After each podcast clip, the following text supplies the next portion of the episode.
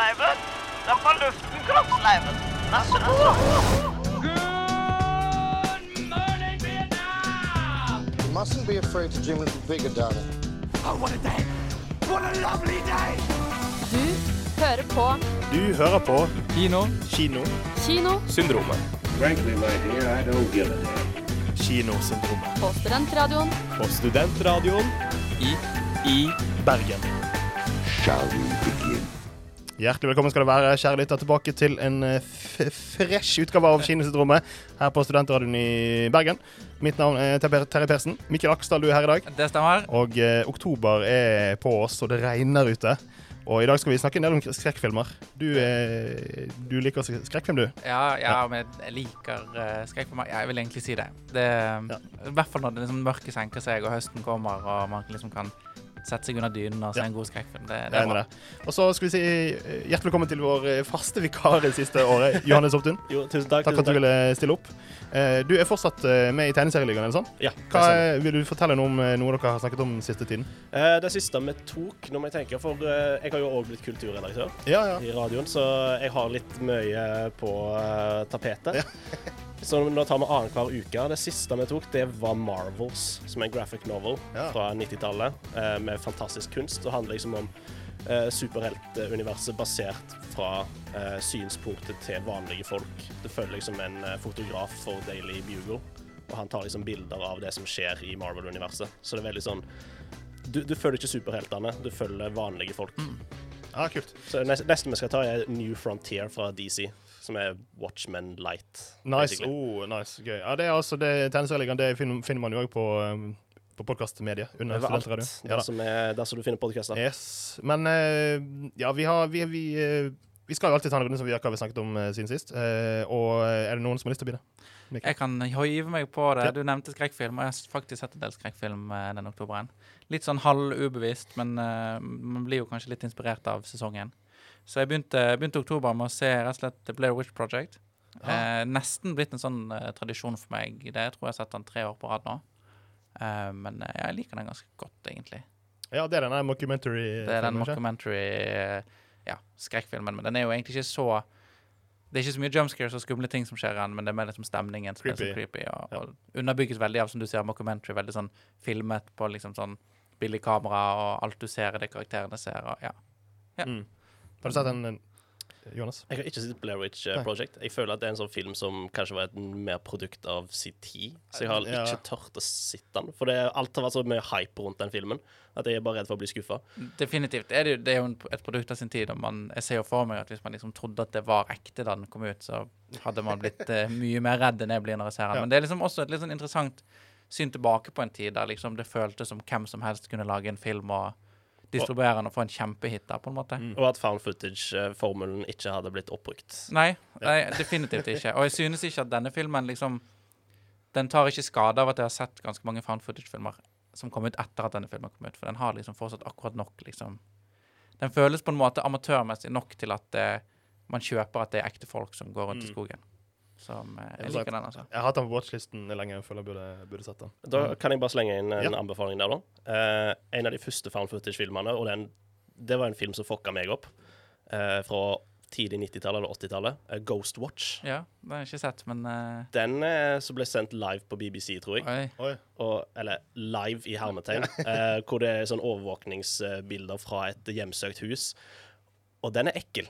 Den er Nei, ekkel. Den, for, den, den, den eh, ga, traumatiserte en hel befolkning i Storbritannia når den kom ut. Og den er faktisk god.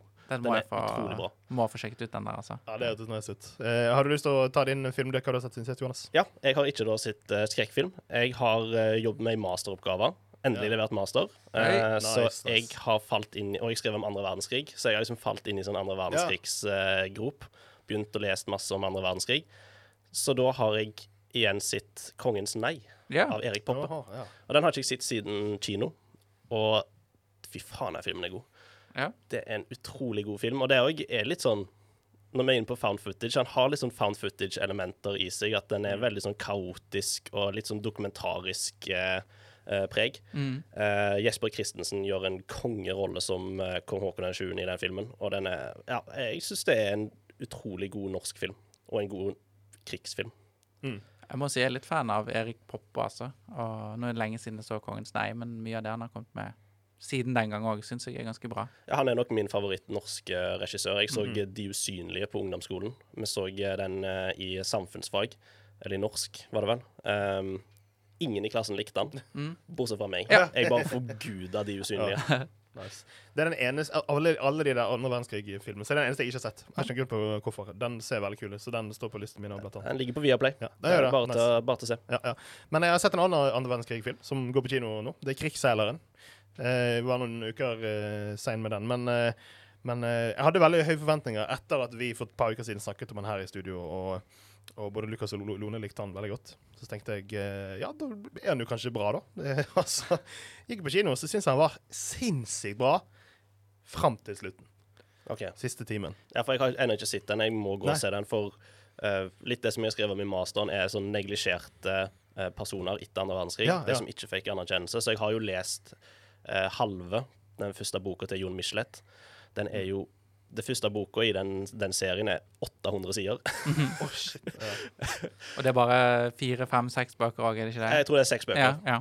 Uh, så det, det, det, er nok, uh, det er nok å lese i framtida. Jeg tror ikke jeg kommer til å bli ferdig eh, i dette livet. Nei, det, det, det, det, sånn blir det nok fort. Men, men det er, jeg syns eh, jeg synes, alt det som skjedde under krigen og på sjøen, og disse tingene, synes jeg var kjempebra. Så, men så introduserer hun en del tull på slutten som jeg syns ikke passet så godt inn i filmen. Men det kan være fordi at jeg hadde forventninger om at det bare skulle være en krigs, eh, krigsdrama.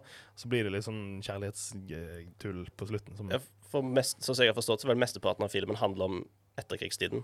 Ja, eller det er en, omtrent sånn, det er en god time som er etter krigstiden, i hvert fall. da. Av en to og en halv time lang film.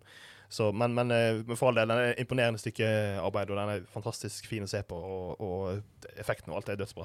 Var, det mye, ja. var, det mye folk eh, og så på han? Ja, det, det var, eh, det var en god halv sal Ja. på dagtid. Så på dagtid, så, så jeg syns det var nice. Og, og det gøye er at uh, min mor bor på Laksevåg, og jeg har vært veldig mye der. Vi ser rett ned på liksom, havnen der som den eh, er filmet. Og det er en sånn her svær gul kran som er med mange steder i den filmen. Den, den ser vi rett ned på. Som er en sånn gammel, veldig gammel kran som faktisk de har fått med i filmen. Så jeg synes det var veldig gøy å liksom kjenne igjen elementer. Så eh, jeg vet ikke om, jeg vil jo anbefale folk å se den. Det er jo det er jo verdt å se. Det er bare jeg likte den ikke. Men eh, nå skal vi eh, kanskje gå, skal vi ta en runde på det vi skal snakke om i dag. da. Eh, jeg nevnte at det skal være litt sånn skrekkfilmtema. Det kommer etter hvert. Først så har vi en ukas premiere som er, som er Amsterdam, som vi skal snakke om veldig snart. Eh, men vi har jo sett en film Mikkel, vi skal snakke mer om. Det stemmer. Vi har sett eh, Dracula fra 1992. Ja. Stemmer ikke det? Eh, med kanskje mest kjent for Keanu Reeves sin litt eh, halvveis aksent, men med ganske stjernespekket eh, rolleliste og ja. En Ja, film med mye å snakke om, tror jeg. Det er det. Også Ja. generelt, og siden det er oktober og skrekkfilmmåned, så skal vi snakke litt om det noen filmer vi har lyst til å prøve å se i løpet av eh, måneden. Og så kommer du med quiz på slutten.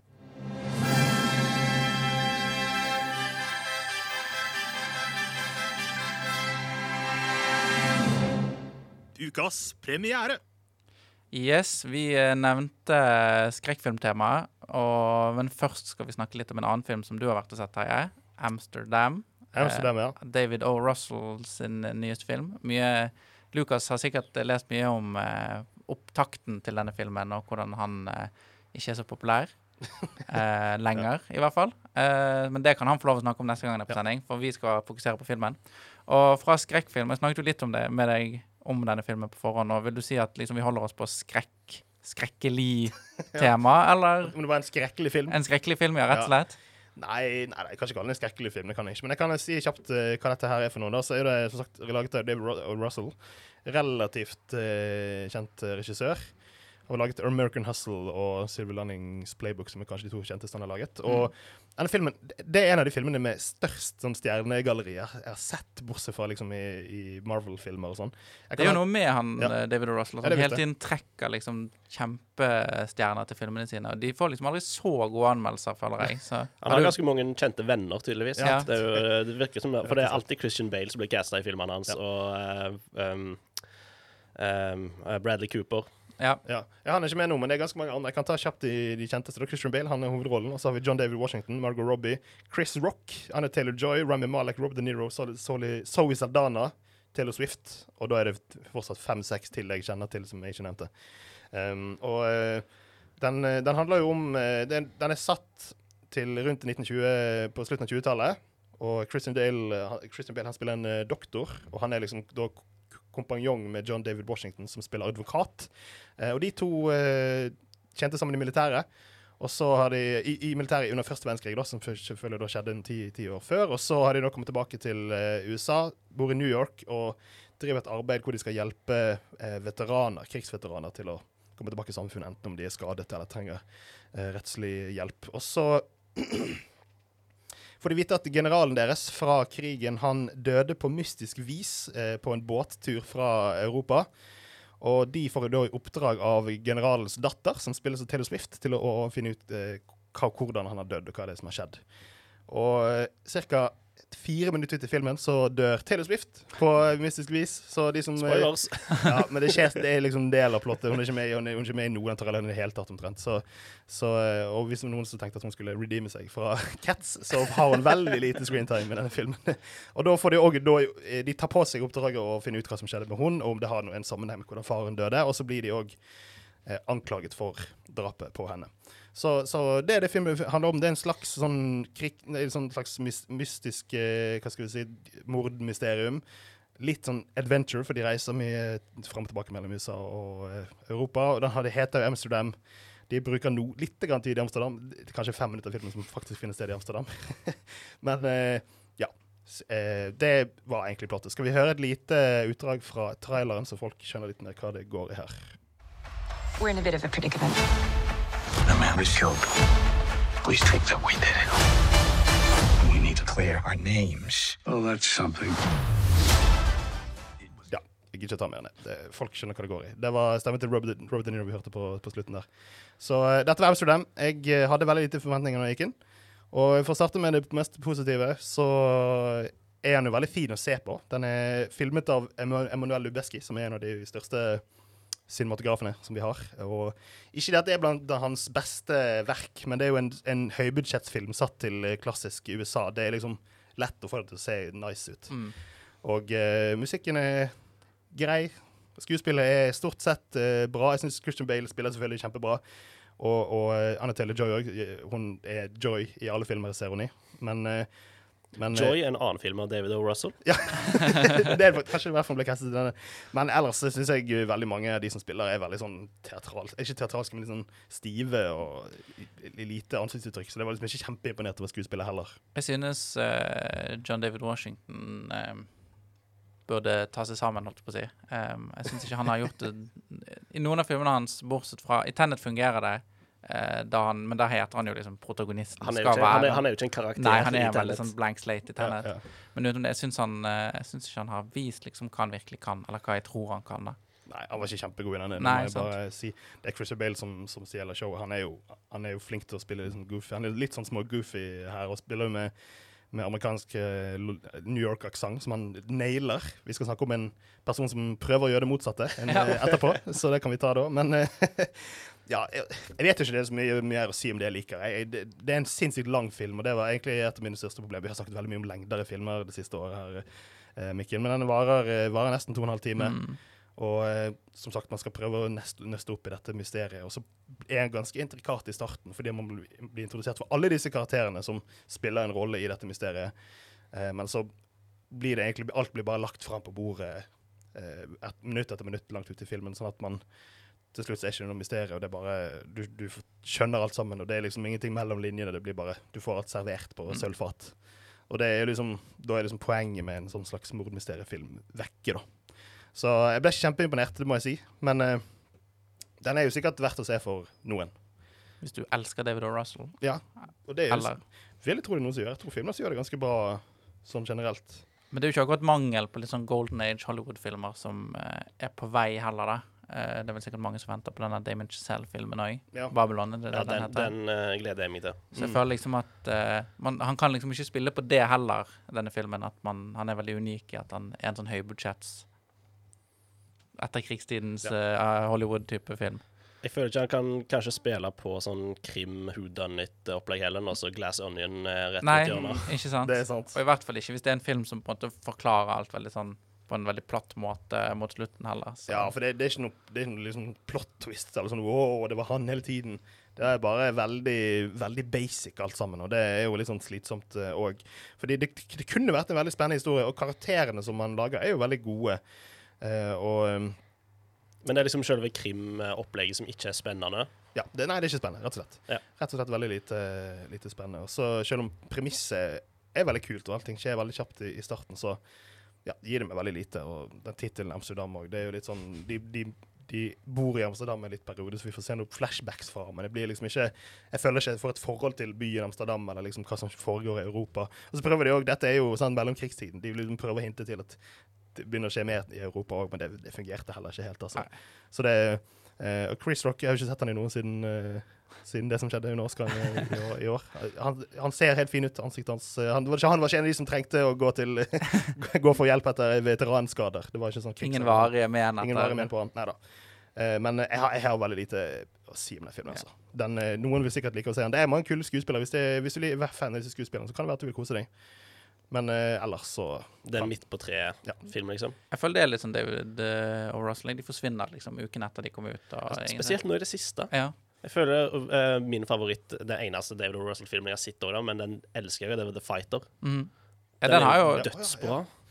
Og så kom jo eh, Silver Linings Playbook etterpå, som var kjempepopulær.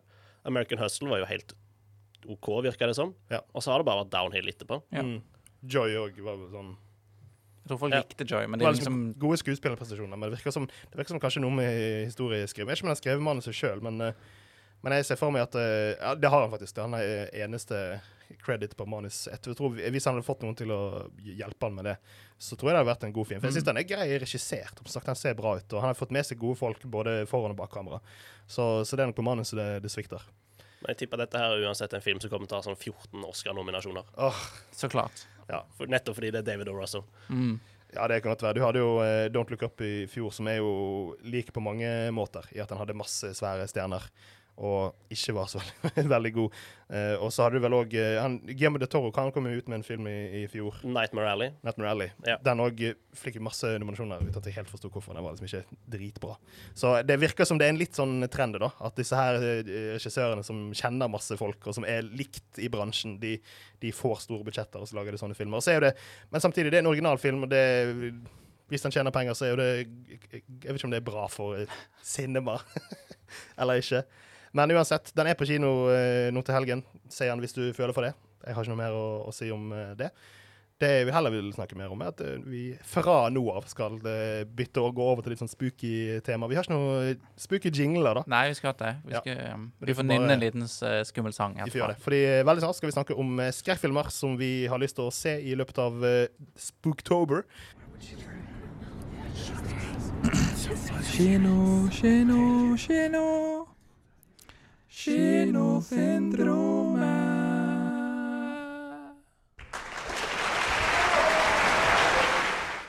Velkommen tilbake. Nå skal vi ta en liten prat rundt uh, skrekkfilmer som vi uh, enten ikke har sett, eller som vi elsker å se om å se hvert eneste år. Som vi har kanskje har lyst til å prøve å få sett noe i løpet av denne skumle måneden, oktober. Og uh, har du lyst til å starte, Johannes?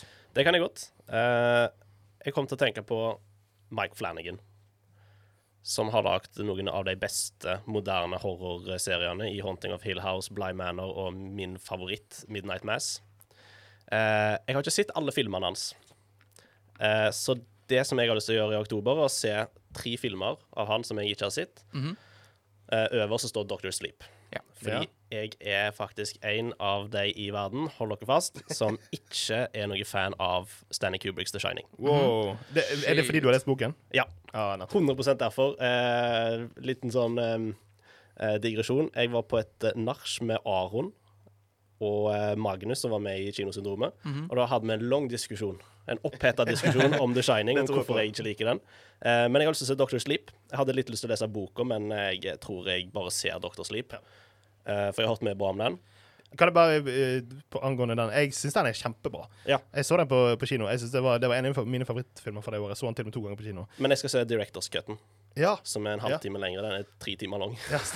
Ja. Så den- og det, jeg liker jo den originale filmen, men jeg har jo ingen forhold til eh, boken. Og generelt eh, et, et eh, kort forhold til skrekkfilmmediet generelt. Jeg har snakket en del om at jeg begynte ikke å se skrekkfilmer før sånn fire-fem år siden. Ja, men jeg er i samme båt, for jeg er tidens største pyser når det kommer til, til skrekk.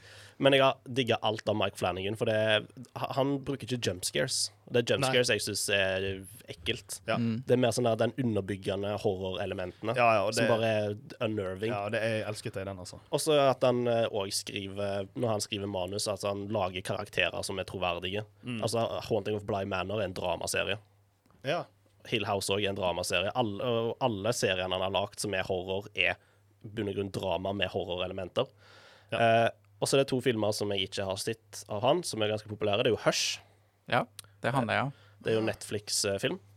Eh, det er jo Han eh, er jo gift med hun eh, Kate Seagull, så hun spiller jo i alle filmene og alle seriene hans. Og så det som han han ble kjent med, var jo Oculus, som jeg heller ikke har sett. så jeg tenkte jeg skal gå på en sånn Mike Flanagan uh, Spooktober. Mike, Ja. Mike Flanathon. Mike Flanaton. Oh, den var fin. Den var fin. Ja, men du, det, det støtter jeg deg Det får høre med deg, Mikkel. Eh, min er litt todelt, holdt jeg på å si. Eh, jeg har de siste to årene jobbet meg sakte, men sikkert gjennom alle fredag den 13. filmene. Oi, Um, jeg Kondolerer. ja. ja. Det er litt varierende kvalitet. Eller, det er ikke så veldig varierende kvalitet heller. Det er ganske laber kvalitet på de filmene. Men uh, nå har jeg eh, åtte, ni og ti igjen, holdt jeg på å si. Pluss uh, eventuelle spin-offs. Å, herregud, jeg har lagd så mange. Så jeg gleder meg litt til Jason X, for der er det liksom litt sånn fremtidsrettet, og de i verdensrommet. Og Hæ? jeg tror de bringer inn mye mytologi i disse senere filmene som kan bli litt spennende. Uh, og så for det andre så har jeg også ganske lyst til å se den nye Rob Zombie-filmen Monsters. Jeg tror den? Why? kan bli litt uh, artig å se. Og det er jo samme, samme samme greien som med Mike Flanagan, at han er jo gift med hun damen som spiller uh, fru Munster, um, Sherry Moon Zombie. Og hun er jo også med i veldig mange av filmene hans. eh, så jeg tror, uh, jeg tror ikke den blir Bra. Jeg tror ikke den blir bra, men jeg tror man kan på en måte respektere hvor mye han har gått for liksom bare lage en sånn 60-talls sitcom-film. Er Moderne sitcom-film. eh, Jeg følger en på, på um, eh, YouTube heter Black Hat Entertainment. Okay, Ja? Og han elsker jo The Monsters. Uh, og det gjør jo òg Rob Zombie. Han hadde en sånn en halvtimes lang video nå hvor han bare trasha Rob Zombies The Monsters. Så bare sånn der Ja. Så den, eh, den er ikke bra for fansen heller, den nye Monsters-filmen? Nei, det altså. er ingen som forstår hva Rob Zombie har prøvd med. For altså, hvis han er blodfan av The Monsters eh, Han ville jo tydeligvis lage filmen i svart-hvitt. Fikk ikke lov av Universal for en eller annen grunn. Eh, så da gikk han og bare lagde Technicolor, veldig sånn der fargerikt, Mm. på digitalkamera, og det ser bare stygt ut. Ja, for han elsker jo film, så han har jo lagt over et sånt stykke sånn filmfilter over det digitale, så jeg tror det bare blir helt Det ser, det ser ut som en eh, fanfilm lagd på YouTube. Jeg anbefaler forresten alle å gå inn på YouTube og søke, søke på liksom MTV sin sånn Show me your crib-video, der Rob Zombie viser, sitt hu viser huset sitt til MTV, fordi eh, husene ser ut akkurat sånn som du tror det skal gjøre. Det er liksom en piratbar i det ene hjørnet, og Han er en karakter. ja. Han er en karakter. Men eh, det var min, eh, min litt sånn varierte skrekkfilm eh, oktober, håper jeg. Ja, ja. Jeg, eh, som sagt, kom litt seint inn i skrekkfilmverdenen. Det var ikke nødvendigvis fordi det var en pos- pyse, det kan være, jeg var det, men eh, fordi at jeg hadde sett noen eh, som yngre som jeg bare jeg synes var dårlig laget. Og det var igjen dette med jumpscares jump scares og sånn. Det er liksom, det er så mange billige triks, og det er gjerne det er mest altså, av sånne billige triks i skrekkfilmsjangeren. Det, er- ikke, det lages veldig mange filmer av det, veldig mange lavbudsjettfilmer. Det er liksom det er så mange oppskrifter og så mange Mm. klisjeer. og sånn. Det var nok for mange av de jeg så da jeg var yngre, som gjorde at ah, dette gidder jeg ikke mer. Jeg tror det er at det, det er billig å lage, Ja, og er så går folk og ser det fordi folk vil bli skremt. Ja. Og så Ja, så blir det bare produsert mye drit. Ja, men nå, men nå har jeg liksom tatt meg selv i det og prøvd å se, for jeg har innsett at det òg finnes ganske mange gode skrekkfilmer. Da, da, da går jeg nok for de fremfor kanskje noen av de mer kjente som ikke nødvendigvis er bra, men bare veldig sånn kulturelt uh, gode, da, for å si det sånn. Så, så den aller første nå jeg har lyst til å se nå i løpet av oktober, det er The Fly. Ja. Av eh, David Cronenberg. Eh, hovedgrunnen til det er jo fordi at Cronenberg kommer ut med den Crimes of the Future. Den kommer jo på Biff, eh, faktisk. Ja. Den har vel kommet ut på vanlig kino i USA, så vi får den vel bare veldig Det er sent. månedsvis siden har kommet ut i USA, Ja, ja. Men uh... Men, uh, men jeg har lyst til å prøve å se den på Biff, og da tenkte jeg det var gøy å se noe av Cronenberg på forhånd. Så da, da går jeg for den. Har noen av dere sett den? Jeg har ikke sett den. Men jeg kan anbefale Videodrome også, hvis, Ja, ja. Du, eh, hvis du er interessert i å liksom dykke litt ned i Cronenberg. Ja, jeg er ikke veldig interessert i å dykke ned, men jeg tenkte jeg skulle liksom ta Se én film, i hvert fall. Ja. Tærne nedi og se. og eh, den neste som har stått på watchlisten i, siden tidene, siden jeg begynte med watchlist, og det er Carrie Ja. av Brian De Palma, som jeg har liksom fått med meg, er jo en av de store, store liksom høykvalitetsskrekkfilmene. Som jeg også liksom skammer meg litt for at jeg ikke har fått sett uh, før. da. Jeg vet ikke om jeg har sett noe av eh, Brian De Palma, egentlig, men, eh, men så den står veldig høyt på listen. Har dere sett den? Nei, Nei, det har jeg det har ikke. Bare sett det berømte klippet. Ok, Det ble litt lett. Det er ikke den eneste som ikke har sett disse. Eh, og så I tillegg så har jeg, så har jeg også veldig lyst til å se mer koreansk eh, skrekkfilm. For der òg har jeg sett omtrent eh, ingenting. Og det er liksom Folk snakker veldig mye om, om sånne filmer som The Wailing, og Bong Joon-ho har jo litt Mm. sånn The Host og sånn. Så, så der òg Jeg vet ikke om jeg har sett noe som helst, bortsett fra kanskje noen småting på, på Biff. Så, så der vet jeg det er veldig mye å ta av. Og det ser jeg veldig fram til. Å liksom ta et skikkelig jafs ut av det. Det er ganske mye bra asiatisk uh, horror. The Ring og er jo en klassiker der. Ja, Japanske, originale. ja for det fins en uh, Hollywood-versjon. Ja, Gore Verbinski sin. Den har ikke jeg Ja. sett. Jeg har kun sett den japanske, og den er dødsbra. Ja. Det, den skal jeg skrive ned på, på listen. ass. Vi, vi hadde jo vi hadde Magnus Meling med, og så prøvde han å introdusere det her Hooptober Ja. i, i fjor. Det, var, det er jo noen sånn letterboxed-greie, da, hvor man lager en, en liste og skal liksom følge kjempenøye Du skal se en film fra hvert tiår, du skal se en film fra når du ble født, og helt sånn syke Reglene endrer seg for hvert år. Det er Å, ja, helt, det det, ja. ja, ja, det er egne challenges, og du skal se en film med det og det tallet i tittelen. Ja, nei, det er helt sinnssyke regler der. Ja, nei, så Jeg har ikke helt gått for det, men jeg har liksom tenkt at uh, fra nå skal jeg prøve å egentlig, Det blir ikke bare i, i oktober. For min del blir det ut året, så skal jeg ta et skikkelig jafs av Det er litt gøy å bruke høsten til det. Det blir jo litt sånn Ja. mørkt og dystert ute. og det, det gjør det litt sånn mer spennende å se skrekkfilmer, syns jeg. Det er Ja, ikke det er- helt den samme feelingen hvis det er liksom 25 grader og sol.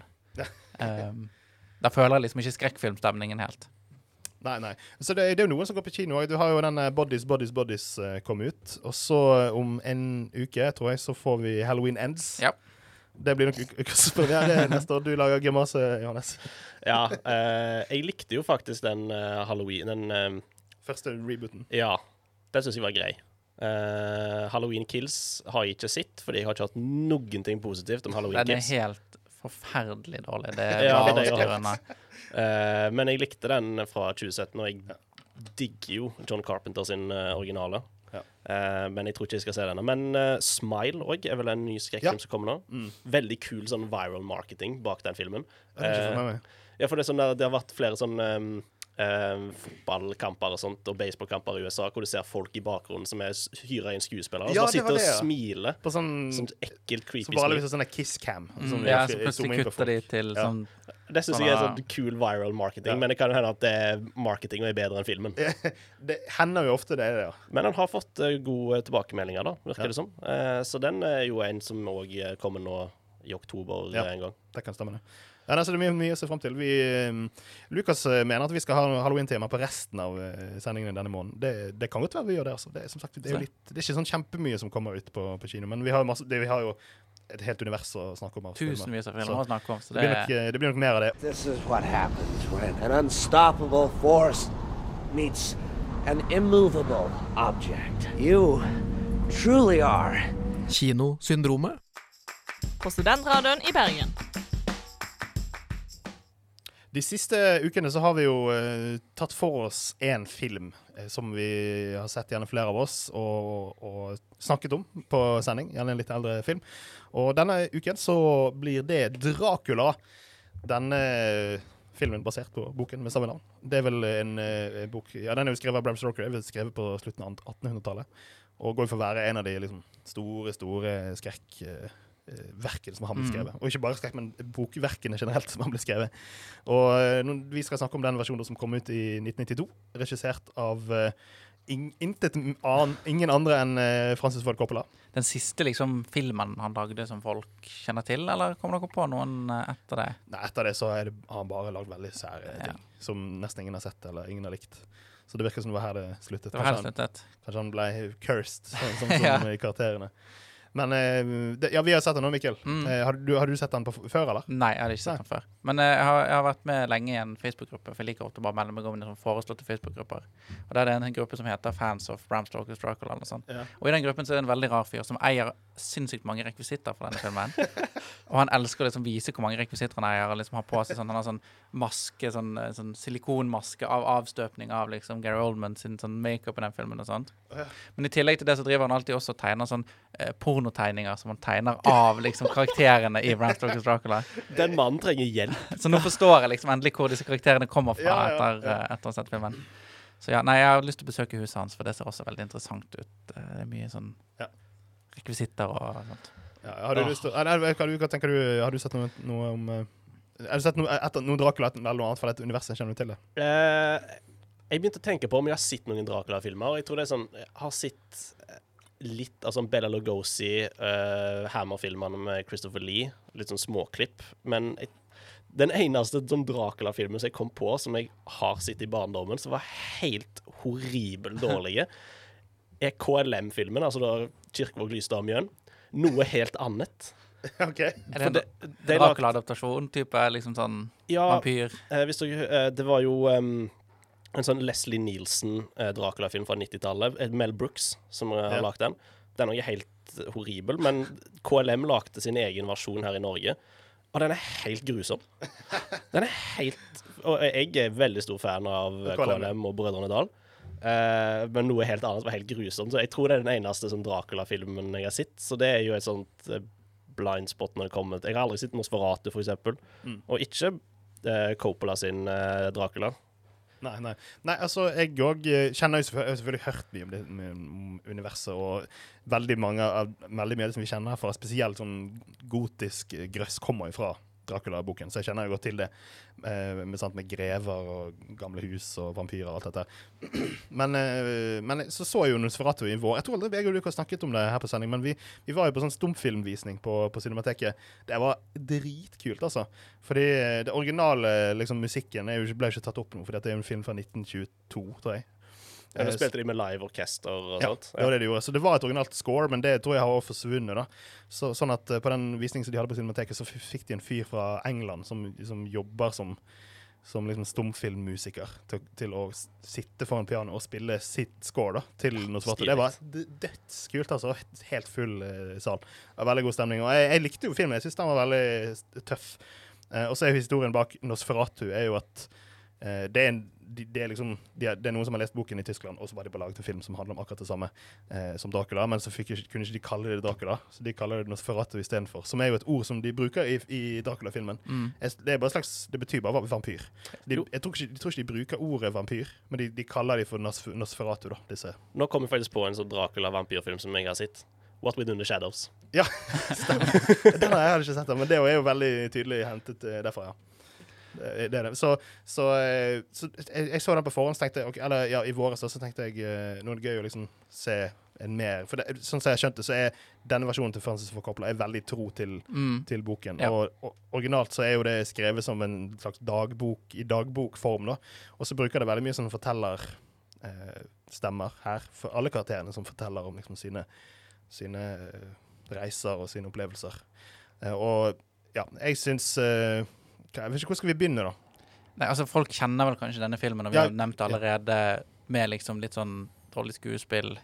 Kjent for litt dårlig skuespill. En veldig bra liksom, sånn scenografi og veldig bra liksom, settdesign og sånn, men litt sånn skuespill er det som har ødelagt denne filmen. Ja. Og Skal vi, skal vi eh, nevne Keanu Reeves først? Vi kan begynne med Keanu Kanskje det som er Reeves. mest kjent, eller blitt mest kjent nå eh, den siste tiden. ja, Han- de får han til å prøve på en sånn veldig dårlig britisk eh, aksent som han åpenbart ikke er i stand til å gjøre på noe som helst måte. Ja, det blir liksom han, Karakteren hans blir komisk med et uhell, Mm. virker det som. For det er, en, det er en veldig seriøs film. Det er kanskje noen få elementer som skal være litt humor, humoraktig, men ellers er det en kjempeseriøs film hvor hans karakter bare blir utrolig tullete. Han Altså. gir meg veldig sånn Tommy Wiseau-vibes i måten han snakker på, egentlig. Han liksom sånn Han høres ikke ut som han er britisk, men han høres ikke amerikansk ut heller. Han høres ut som han er fra Transylvania, nesten. Men uh, Gary Oldman også går jo veldig for en sånn karakter, og det gjør han jo veldig ofte. Han er jo, Veldig mange kaller han liksom sånn at han er veldig sånn en kameleon når han spiller og sånt. Um, og at man aldri kan kjenne han igjen. Men han går veldig for en karakter i denne filmen her også. Det er han som spiller Dracula. Han spiller Dracula i Ja. denne filmen. Og så er, spiller han jo liksom mange iterations. da Helt i starten av filmen så er han jo en vanlig fyr som, eh, som liksom har, har vært i krig. Og så eh, Og det starter filmen foregår på 1400-tallet, og så er det et eller annet Det, det er litt sånn forvirrende, men plutselig så går det Filmen finner jo sted på i starten av Eller en, gang på 1800-tallet, slutten av 1800-tallet, Mm. rundt når boken er skrevet. Og eh, da da er han jo bare Da er jo Alsnæs helt sånn Han ser ut som liksom The Senate si Senator Ja, han ser litt ut som, ja, som Ian McDermott fra, Ja. fra Star Wars, rett og slett. Ja. Jeg, jeg, jeg skulle nesten tro at de hadde hentet inspirasjon derfra. Men så, litt ute i filmen, så er han plutselig en ung, normal fyr igjen. Og så blir, på slutten så er han liksom 90 000 år gammel. Så det er liksom gått gjennom mange forskjellige iterasjoner av sminke og, og hår. Og den vant jo, vant jo Oscar for både sminke og hår, denne filmen Mm. her. Det tror jeg det var den eneste den vant for. Og det må jo si, kan jo si at det var fortjent. Og eh, jeg, altså, jeg liker jo det han gjør litt, og jeg syns det, det var litt kult. Jeg er veldig stor fan av Gary Oldman, egentlig, og, og sammenlignet med, med mange av de andre som, har, som jeg syns ikke spilte så veldig bra, syns jeg han gjorde en god jobb. For det var Winona Ryder òg spiller veldig Ja. denne. Ja. Det, jeg har jo hatt lyst til å sitte denne, fordi det som jeg syns er mest interessant, det er jo at alt sånne spesialeffekter er in camera. Mm. Ingenting er etterarbeida. Alt er in camera. Uh, Francis Ford Coppola lagde liksom en uh, film fra 30-tallet på, på 90-tallet. Så jeg synes det er Ja. det, det som er mest interessant. Jeg har jo sett liksom breakdown av når eh, Keanu Reeves sitter på toget, f.eks. Alt Ja. som eh, går forbi der, det er jo ikke green screen. Nei, nei. Det er modeller som går forbi, og det syns jeg er synes det er stilig at de har lagt inn såpass mye effort. Ja, det er veldig mange kule visuelle effekter, praktiske visuelle effekter i filmen. Så det er kanskje filmens sterkeste punkt. At, eh, og jeg syns nesten alle de har holdt seg. Det er noen ganger som tenker sånn, ok, dette blir litt, litt i teiteste laget, det må jeg si. Men samtidig så er det jo på en måte en litt sånn Det er jo en sånn eventyrfilm eller en litt Ja. sånn historisk altså, Det er ikke en historisk film, det er en eventyrfilm, egentlig. Så man liksom Jeg føler ikke man man kan se forbi de litt dårlige effektene. Liksom. Mm. Vil dere kalt det en uh, høybudsjetts B-film, på en måte? Ja, Altså, på, det, det, det liksom ser litt sånn ut, ja. Mm. Det kan man jo si. på en måte vil jeg det, men på en annen måte tenker jeg at det er jo på en måte Historien er jo på en måte en klassisk historie, og, og settdesigner ligger det jo åpenbart mange, mange tusen timer med arbeid bak, holdt jeg på å si. Ja. Så, men eh, den blir jo dratt litt ned av noen aspekter som kanskje gjør at man får litt av den B-film-viben. da. For det, det, det, er ganske få karakterer generelt. Det er et par scener som er liksom filmet i, i, i, ute i byen og ute i gaten, hvor det er ganske mange folk. Men, men det er kanskje snakk om to-tre minutter til sammen. Resten av filmen så er de inne i hus eller ute liksom på slettene på et sted vi nesten ser er laget som sett. Og så er det bare fire-fem maks i et rom. Og, så da får du en veldig sånn, sånn tett følelse, da. Som jeg syns passer filmen ganske godt. Og musikken syns jeg var dritbra, altså. Den har jeg liksom lyst til å høre på ettertid, for den synes jeg var fantastisk. Det var kanskje det jeg likte aller best med filmen. Og så er det veldig interessant at folk har laget Gudfaren, og så har han laget dette her. Og det er jo helt tydelig at det han ønsker å få fram noen, noe helt forskjellig med de to filmene. Med Gudfaren, hvor det er, eh, er manus og karakterer og regi, sant, som liksom er noe av det beste man har på film. Så er dette en film som handler om det visuelle og effektene og sant, sånn en slags følelse da, av Ja. spenning og creepy ting. Og så starta jo den her en sånn ny bølge med Dark Universe-monsterfilmer. For vi fikk Kenneth Branagh sin uh, Frankenstein. Jepp. Mary Shelleys Frankenstein, akkurat Ja. som uh, Bram Stoker Dracula. Uh, Og så en uh, Wolfman-film med Jack Nicholson. Kom jo opp på, omtrent på samme tid, men ingen av de klarte liksom å nå opp til Bram Stokers Dracula. Jeg føler det, det er sånn gjentagende ganger hver gang det kommer liksom en sånn monsterfilm. Skal de prøve å lage Dark Universe igjen, sånn som Universal Studios prøvde med The Fuckings Mummy. Er Hver gang. Også Og Dracula Dra- Dracula Untold. Ja. Ja. At de skal liksom prøve å sette opp et sånt uh, univers, og det prøvde de på 90-tallet. På samme måte som Universal gjorde på 30-tallet med Frankenstein og Dracula. Uh, men ja, dette er jo en, det er jo en ikonisk film for forskjellige grunner. Mm. Både pga. dårlig skuespill, men òg kult settdesign og Gary Oldman som, eh, som Dracula. Ja. All, alle har jo sitt bilde av han som en gammel Mm. Dracula. Ja, ja, ja. Veldig ikonisk. Veldig, og, og jeg, jeg sjekket litt sånn uh, scorene på dette. her. Den har veldig høy publikum-rating både på Letterboxd og på IMDb. Eh, mens eh, metascoren, som er jo sånn anmelder eh, Kritikerne sin score, den, den var veldig av på sånn 50-tallet. Og jeg tror nok det, det har nok mye med skuespill å gjøre. eh, at man kanskje anmeldere ser veldig på det. Hvis det er, hvis det er dårlig skuespill, så vil jeg nesten aldri kunne gjøre en film god, i manges øyne. Men uh, der må jeg, jeg må si meg uenig. Jeg gikk inn, jeg gikk inn med litt lave forventninger, da. Selv om jeg vet at det er Francis Ford Coppola og det er liksom en ikonisk film, så tenkte jeg jeg er ikke sikkert at den filmen har holdt seg så godt som man skulle tro. Så, men jeg ble megaimponert. Ja, for det er, eh, en- det er en kultklassiker Ja, i moderne tid. Jeg syns det var en uh, kjempegod film. Jeg kan egentlig anbefale den for alle. Den er ikke, den er ikke veldig skummel. Det er noen scener som er litt, litt ekle. ja, litt sånn creepy. Ja, eh, og det er, no, det er litt halshugging og selvfølgelig blodsuging og sånn, men det er ikke liksom masse blod og ikke noe jump scares og sånn heller. Så, så jeg tror de aller fleste kan tåle å se den her. Og jeg vil i hvert fall uh, anbefale den sterkt. Jeg vet ikke hva, du, hva er liksom din konklusjon med dette er. Nei, jeg uh, gikk inn med litt samme forventningene som deg, tror jeg. Jeg tror jeg landa litt sånn midt på treet. Ja. Sånn. Hvis du er veldig interessert, så ser du den, og hvis du kjeder deg veldig, så kan du se den. Men Jeg tror ikke jeg ville liksom søkt den ut og vært sånn Denne må jeg få sett i dag. Nei. nei, nei. Det er ikke en sånn film, på en måte, for min del, i hvert fall. Nei. Nei. Nei, jeg ser det. Men, eh, men absolutt underholdende. Mm. Og, eh, og den har som sagt 30-årsjubileum. Jeg tror den skal komme Jeg tror noen kinoer i USA og sånn har vist den i sånn her remastered format. Ja. Så tipper vi får den sikkert i noen sånn 4K-greier. Helt sikkert. Eh, vi får den nok ikke på kino, men vi får den nok på sånne nye Blu-rays og, Ja. og digitale eh, release og sånn. Eh, Fra nå så kan du strømme den på Viaplay, Mm. og leie den på, på Apple TV og, og Google eh, Play. Så den er lett tilgjengelig. Hvordan er det med deg, Johannes? Har du, får du mer eller mindre lyst til å se den etter at vi har snakket om dette? Den, den står jo på lista over filmer som jeg må på en måte se. Ja. Eh, kanskje ikke helt øverst, men det er jo en ikonisk film som jeg er nødt til å Ja. se på et eh, eller annet tidspunkt. Ja. Nå kommer jo Coppola med en ny film neste år, Ja, det stemmer. Med Adam Driver. Megalopolis. Eller me, me, noe er noe sånt. sånt. Som jeg har hatt lyst til å lage i sånn 40 år. Så eh, kanskje jeg skal ta en rewatch av alt av eh, Coppola. Eller kanskje ikke det som han lagde på tidlig 2000-tallet, men eh, Fram til, fram til denne filmen, Ja. så kan du sjekke det ut, altså. Ja, ja, og jeg Den aller største hullet jeg har i på en måte min film-watch-historie, er at jeg ikke har sett uh, Gudfaren 2.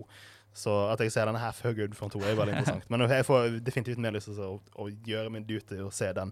Men jeg bare, jeg vet at jeg må se eneren først, og da er de så lange, og det tar så mye tid. Men det, det skal jeg i hvert fall gjøre før Megalopolis kommer ut. ja, jeg, jeg har jo ikke sett del tre av Nei. Det er Eh, nok litt, det er en mindre synd enn å ikke ha sett toeren. Ja, men jeg har lyst til å se den nye versjonen, den Koda. Som han har jo Ja. eh, kommet med en ny versjon, akkurat sånn som Apocalypse Now. Uh, så det syns jeg er kult at Francis Ford Coppola går tilbake og Jeg er ikke så fan av at, han, at eh, regissører går tilbake og endrer på ting, men Coppola gjør filmene bedre Ja, i ja. ettertid. Det er sant, det er Coppola. Så det må ikke vi glemme. Men det var altså Dracula. Mm. Og eh, ukens eh, hva skal vi si, det pensumfilm, eller ukens skrekkfilm. Det blir sikkert Ja. en ukens skrekkfilm noen uker framover. Så Helt det, sikkert. bare se frem til det. Men uh, vi skal ikke gi oss helt ennå. Snart har du en liten skrekkrelatert quiz Det til oss. Mikkel.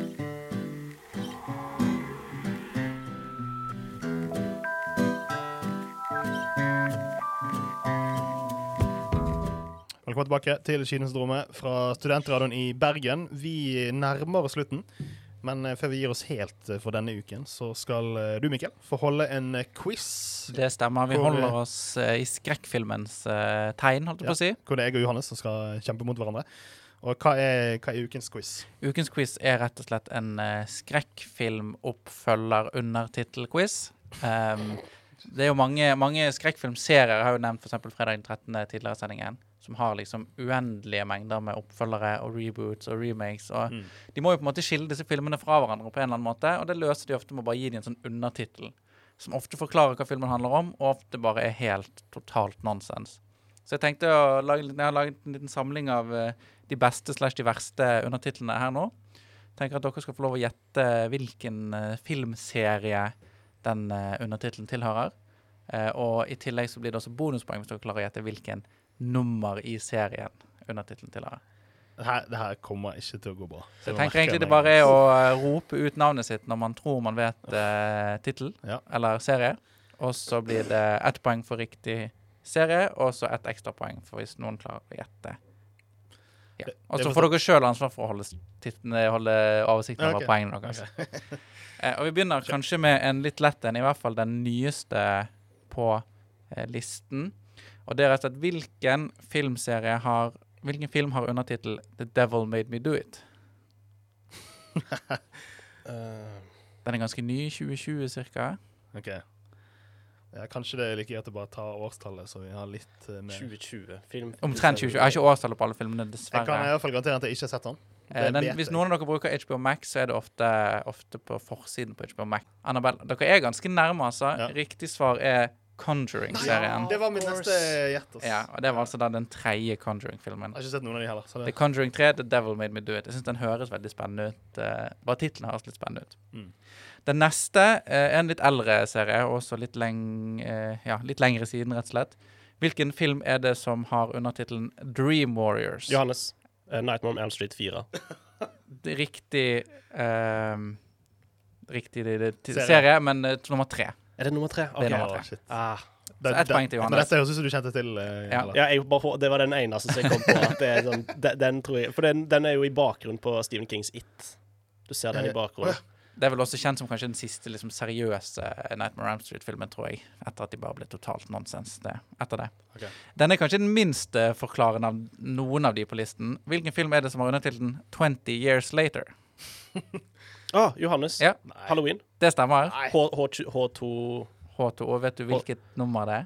Uh, uh, uh, eh, eh, Kan jeg bare gjette et nummer? sju- eh, eh, nei, sju. Det er riktig. Oi! Hvilket var det du hadde Jesus tenkt? Nei, altså, jeg skulle bare sagt et nummer. Jeg har ikke peiling. Det, Ok, Den er kanskje den kuleste, syns jeg.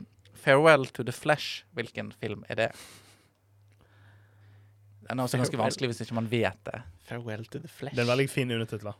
Det er en gammel, gammel, eh, gammel film, egentlig. Det er den, den første filmen er nok den klart mest kjente av disse her. Eh, og det kom en eh, remake for ikke så altfor lenge siden. 2017-2018, kanskje jeg husker ikke helt årstallet. Men er denne oppfølgeren òg gammel? Vet Eh, du- oppfølgeren er rundt, eh, rundt 80-tallet en gang. Det er litt oh, ja. pinlig at de ikke har um, Ah, opp. Oppfølgeren er kom ut rett etter den første filmen, og så lenge etterpå kom det en remake. Få få høre undertittelen en gang til. 'Farewell to the Flesh'.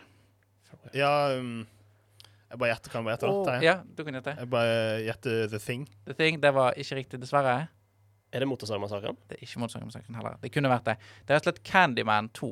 Ah, En film som jeg ah. eh, faktisk ikke visste eksister, eksisterte før jeg eh, søkte opp. Jeg har Eh, hørt om den oppfølgeren, men jeg, jeg tror den er skikkelig dårlig. det tror jeg også. Ja.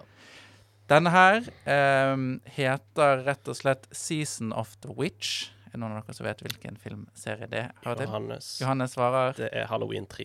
Det stemmer. Herregud.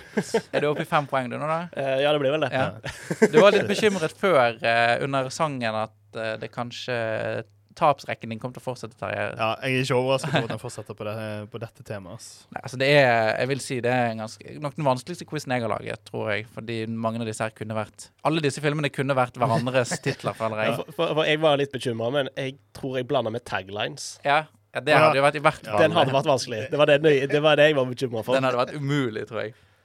Denne her, da. Dette er The Next Generation. For å hjelpe dere litt Det ekstra. eh. Det er en film der uh, Matthew McConney er med. Renee Selwager er med. Ah, Johannes. Johannes svarer Det er Motorsagmassakren. Det er Motorsagmassakren. Og hvilken Det er fire. Det er helt riktig. Ja, dette her er helt Enda verre enn sist uke. Johannes holder på å ta store slem her. Ja. Vi beveger oss litt nærmere liksom en ny, ny filmserie. Ikke helt Conjuring ny, men uh, sånn 2000-ish. Dette er The Marked Ones. Altså de markerte. Hmm. Mm. Vi var inne i liksom found footage-serien Found footage-sjangeren eh, når vi snakket om hva vi hadde sett siden sist. Dette er kanskje den som på en måte Ah, brakte oss Terje. Ja. Jeg tror Terje var først. Eh, Paranormal Activity. Paranormal Activity er helt riktig. Okay. Tør du gjette hvilken det Eh, er? fire. Nesten. Det var Paranormal Activity 5. Ah, ok. Men godt Hvor mange fins det? Ja. Det har nettopp kommet en ny en. Jeg vet ikke om dere har fått med dere er- det? Ja, det er seks eller syv, det. Ja, sikkert. Siste, siste tiebreakeren, holdt jeg på å si. Eh, denne her er også ganske vanskelig, så hvis eh, ja, Vi kan si at den som tar den, er den vinner, da, for å lage litt spenning. Selv om Johannes nok er den, eh, den eh, hva skal jeg si, den moralske vinneren av det kommer ikke til å klare uansett. Eh, Dette er rett og slett Hell on Earth. Ja. Dette er en film det kommer, eller det har vel akkurat kommet anmeldelser av eh, en eh, slags oppfølger, uh, legacy-sequel, eller hva de kaller det. Um, Eh, OK. En litt sånn glemt serie. Den eh, foregår faktisk i Storbritannia til en forandring. Hmm. Og et av de store liksom, elementene i denne filmen er en boks. Hæ? En boks? En boks. Jeg vet ikke om jeg kjenner til det. Så, Um, legacy også knappenåler er også ganske viktig i denne filmen. Uh, Johannes. Johannes svarer Pinhead. Pinhead. Det, Eh, Hellraiser. Hellraiser er helt riktig. Å, Hellraiser, ja. Tør du Ah, gjette hvilken nummer eh, Hell on Earth er? Det finnes sånn åtte forskjellige. Og så er det finnes en helt sinnssykt mange. remaken eller, ja, sånn, Den kom jo nå nettopp. Mm. Jeg tipper nummer fem. Det var nummer tre. Ok. De eh, bevegde seg rett og slett inn på sånne syke undertitler allerede på nummer tre på Hellraiser. Der andre serier sparte det til nummer fem, seks, syv, så gikk Hellraiser rett på Hell on Earth. Mm. Men det var rett og slett eh, quizen jeg hadde forberedt for denne gangen. Ja, det gikk som det måtte gå. Det kom inn Hvor mange fikk du? 8, 9, 10? Eh, åtte, tror jeg. 8-1? Ja. Ja, det er som en eh, fin fotballkamp det er å se. Så Ja. det er jo veldig bra. Takk for quiz. Jeg tror eh, jeg, jeg, skal prøve å lage tagline-quiz neste gang. For det høres ut som eh, Det var egentlig en ganske god idé. Altså. Vanskelig, Ja. men god idé. Ja. Har, du har, ikke, har du en straff, eh, eller? Er Nei, jeg var litt usikker på om jeg skulle ha noen straff. Ja, men men, siden The Munsters siden-. Siden jeg er i programmet og tapte, så kan jeg godt ta en straff. Ja, da kan straffen din eh, bli at eh, du Var det noen av disse filmene som fristet veldig å se? Um, jeg velger en av de. Jeg, har- Jeg jeg har ikke sett noe av dette, tror jeg. Eh, da velger vi rett og slett at du skal se Jeg vet hva, jeg velger en likevel. For Ja. Jeg vet at den er veldig kort. Da Ja. velger jeg Motorsagmassakren. Det- var en film han snakket om, det. Du kan få lov å se The Next Generation okay. med Matthew McConaughey. Ja, Lykke til, den sugeballen. Den fikk ternekast én av VG, husker jeg, og det er eh, bare Anmeldelsen der er bare 'slutt'. Det var det. Alltid skrevet slutt. Ja, det var, jeg tror det- anmeldelsen er på én setning. Ja, Ternekast én. Nei, vi, jeg skal samle opp alle. Nå har jeg allerede en annen dårlig film jeg skal se. Den er ganske Så- kort, altså. Det Ja, så jeg samler opp alle filmene jeg har tatt, og så tar jeg en uke og bare deprimert og bare ser alt dritet som jeg får slengt etter meg. Men eh, ja, flott. Takk for quizen. Takk for eh, at du steppet inn eh, for oss, Johannes. Jo, det var Vi bare, det var bare bare- gøy, dette. Ja, veldig Kjempekoselig å ha deg her. Det var det. Ja. Så må vi som alltid oppfordre folk til å eh, eh, følge oss på Instagram, Facebook og last ned podkasten. Hør på Studentradioen som alltid. Så blir det nok masse masse skrekkfilm ukene framover. Så bare hør på oss neste uke. Ha det godt. Ha det bra. Du har hørt et program fra Studentradioen i Bergen. Produsent i dag har vært Johannes Opptun. Ansvarlig redaktør er Jakob Lom.